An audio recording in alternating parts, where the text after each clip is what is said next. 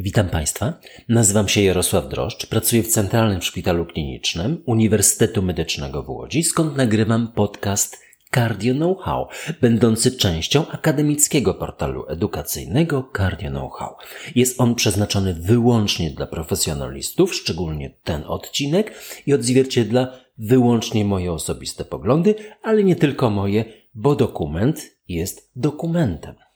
Ostatni przedwakacyjny odcinek Wszyscy jesteśmy potwornie zmęczeni. Odrabiamy zaległości długu zdrowotnego, wracamy do badań klinicznych, pracy naukowej, inicjujemy nowe metody diagnostyki i leczenia w kardiologii i wszystko to w tym samym czasie, którego zawsze nam brakuje. I marzymy o chwili wypoczynku. Jakie mamy plany? W lipcu cztery odcinki, których słuchanie gorąco odradzam. Temat Tytułem roboczym są Wątpliwości starego klinicysty. Dwa z tych trzech wyrazów nie wymagają doprecyzowania, ale skupmy się na słowie wątpliwości. Patrzę już jakiś czas na kliniczną medycynę i mam coraz większe wątpliwości dotyczące fundamentalnych kwestii łączenia współczesnej wiedzy z praktyką kliniczną moich znakomitych koleżanek i kolegów, bo jak każdy staruszek uważam, że działam perfekcyjnie. Jestem niezastąpiony, wyedukowany do granic możliwości i w zasadzie całkowicie pozbawiony wad. Za to wady wokół siebie widzę nagminnie. Pierwszy odcinek 8 lipca w nadciśnieniu tętniczym, 15 lipca w przewlekłych zespołach wieńcowych, 22 lipca w wadach serca, 29 lipca w niewydolności serca. Stanowczo odradzam. Absolutnie nie polecam słuchania tych odcinków osobom, które znają te tematy, czyli zdecydowana większość z Państwa i nie macie problemów łączenia wiedzy kardiologicznej z praktyką. Dlaczego? Otóż będzie więcej pytań niż odpowiedzi. Może się też okazać, że nie będzie dokładnie tak jak w wytycznych. No ale będzie o naszej pięknej profesji, trudnych dla pacjenta, meandrach poruszania się w obrębie czterech powyższych, bardzo częstych schorzeń. Natomiast sierpień, tu sprawa wygląda zgoła inaczej. Bardzo gorąco zapraszam do naszego podcastu. Ja jadę na wakacje, a młodzi lekarze z kliniki kardiologii podzielą się z Państwem własnymi przemyśleniami i ogromną, co najważniejsze, praktycznie ukierunkowaną wiedzą. Lipiec to nudzenie starego dziadka. Sierpień praktyczna kardiologia. Wrzesień wracam po kongresie SC i opowiadam o wynikach badań wieloośrodkowych. Materiału starczy na cały miesiąc, znam już plan i część wyników. A dziś najnowszy dokument ekspertów USP SPF to skrót grona naprawdę najwybitniejszych osób z dziedziny nauki i analizy badań klinicznych w Stanach Zjednoczonych a dokument dotyczy witamin i suplementów, lżej zatem na koniec roku akademickiego. Naturalnie w relacji do schorzeń układu sercowo-naczyniowego. Unikam wypowiadania się na tematy pozakardiologiczne, gdyż nie czuję się w ich zakresie kompetentny, ale z natury rzeczy jako lekarz i obywatel muszę coś na ten temat wiedzieć. Czuję dyskomfort prowadzenia rozmowy z pacjentami na ten temat, ale zdecydowanie staram się ją ograniczać do absolutnego niezbędnego zakresu.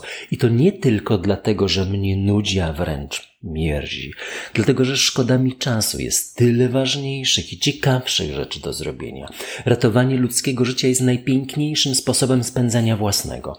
A my na kardiologii możemy się szczycić sukcesami na tym polu. Widzimy to gołym okiem. Dawniej pacjent umierał, dziś żyje. Dawniej pozostawał unieruchomiony w domu, dziś spaceruje i chodzi do pracy. Każdego roku o kilkanaście, kilkadziesiąt procent poprawiamy swoją skuteczność terapii przy liczbie NNT rzędu 20-30 i kosztach, rzecz jasna. Dokładnie o tym rozmawiamy na Cardio Know-how. Ale dokument o witaminach i suplementach dotyczy właśnie kardiologii unikania chorób serca i naczyń, co dla wielu stanowi zasadniczy cel ich przyjmowania. Czy słusznie? Witaminy i suplementy. Myślałem, że amok, no trudno mi tu dobrać inne słowo oddające otaczającą mnie rzeczywistość, dotyczy tylko Polaków. A dokument jest amerykański, w związku z tym dotyczy Amerykanów. Połowa z nich także ma z tym tematem poważny problem i odpowiada sobie na pytanie, jak poprawić własne zdrowie, ograniczając się do najprostszej odpowiedzi aktywności połknięcia tabletki. 50 miliardów dolarów rocznie. To o 15 miliardów dolarów więcej niż Niemcy zapłacą w roku 2022 Rosji za ropę, gaz i węgiel. Ten transfer Niemcy-Rosja w 2021 roku do 30 miliardów dolarów. W 2022 35 miliardów dolarów, gdyż kurs dziś wynosi 1,04 dolara za euro. Wracamy do suplementów.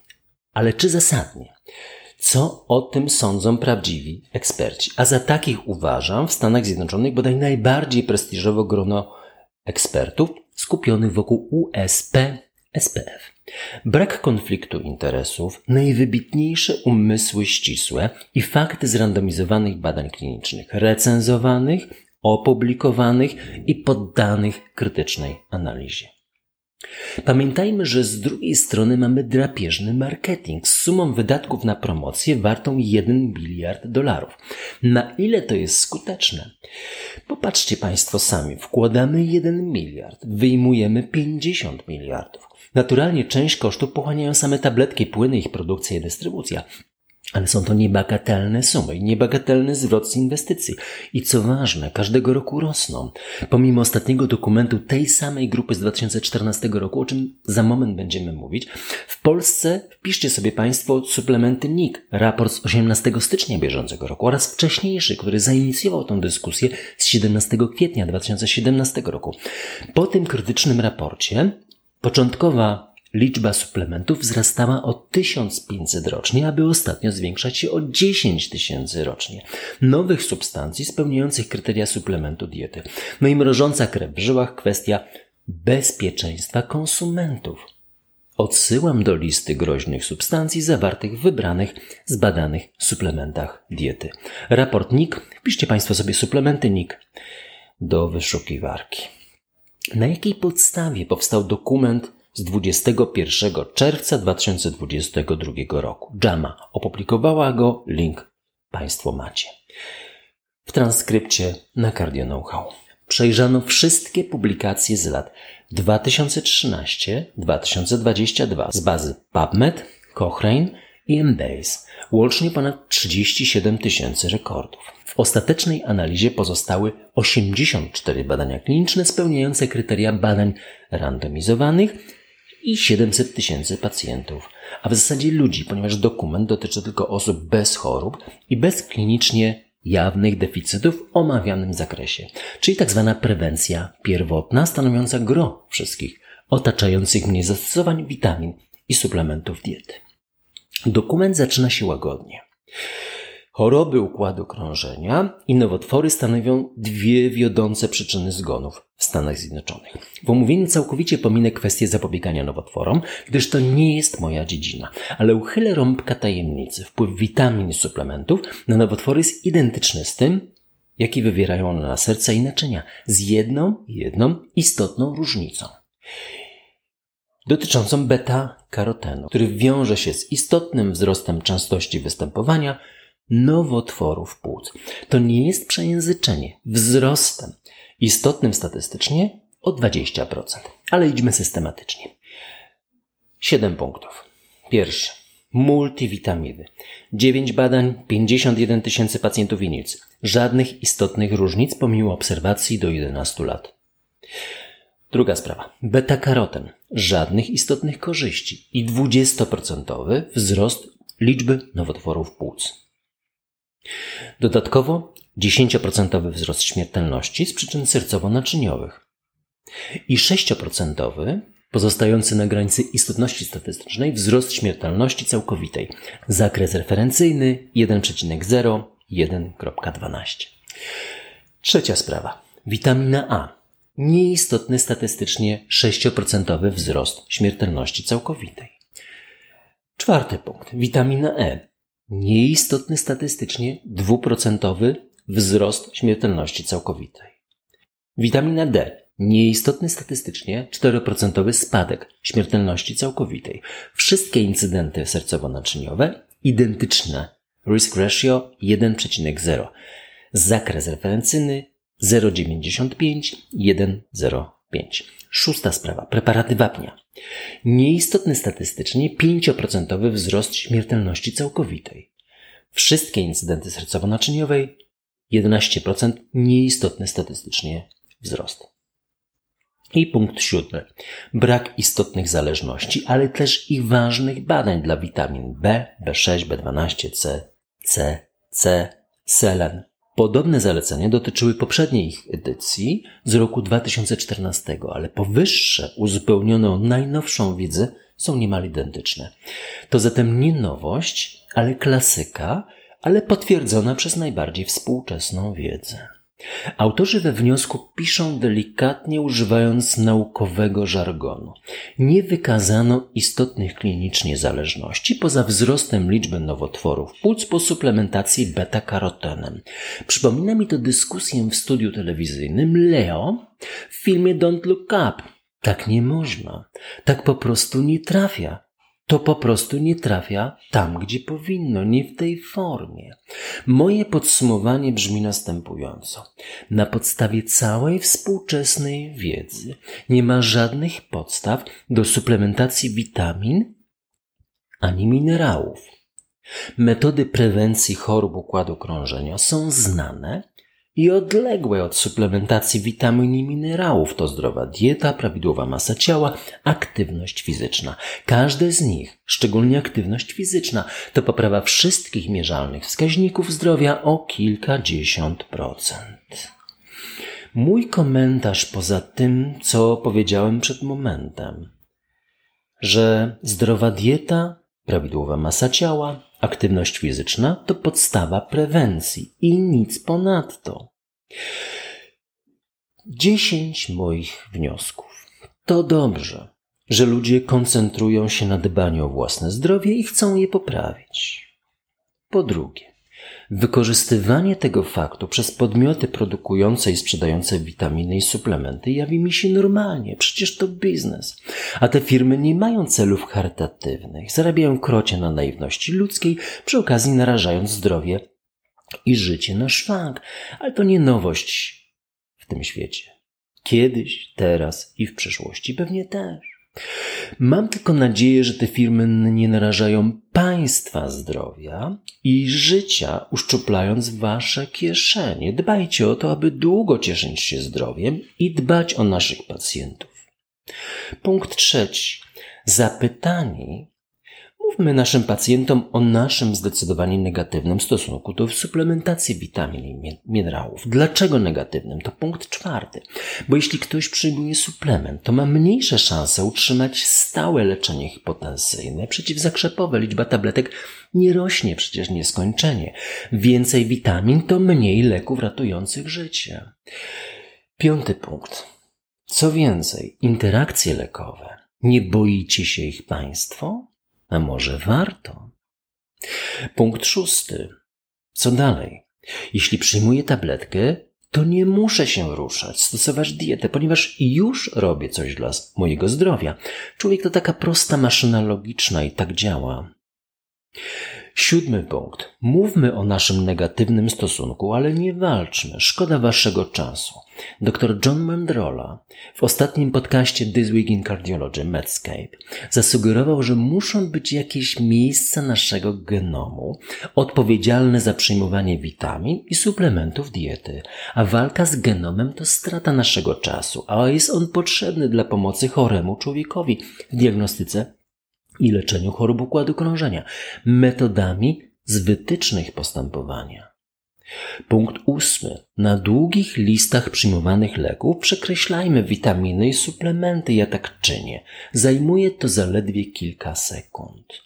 Punkt dziewiąty. Tłumaczmy prawdziwe i skuteczne metody zapobiegania chorobom układu krążenia, prewencji. I punkt dziesiąty. Najważniejszy. Na tym profesjonalnym podcaście. Niektórych za to przepraszam.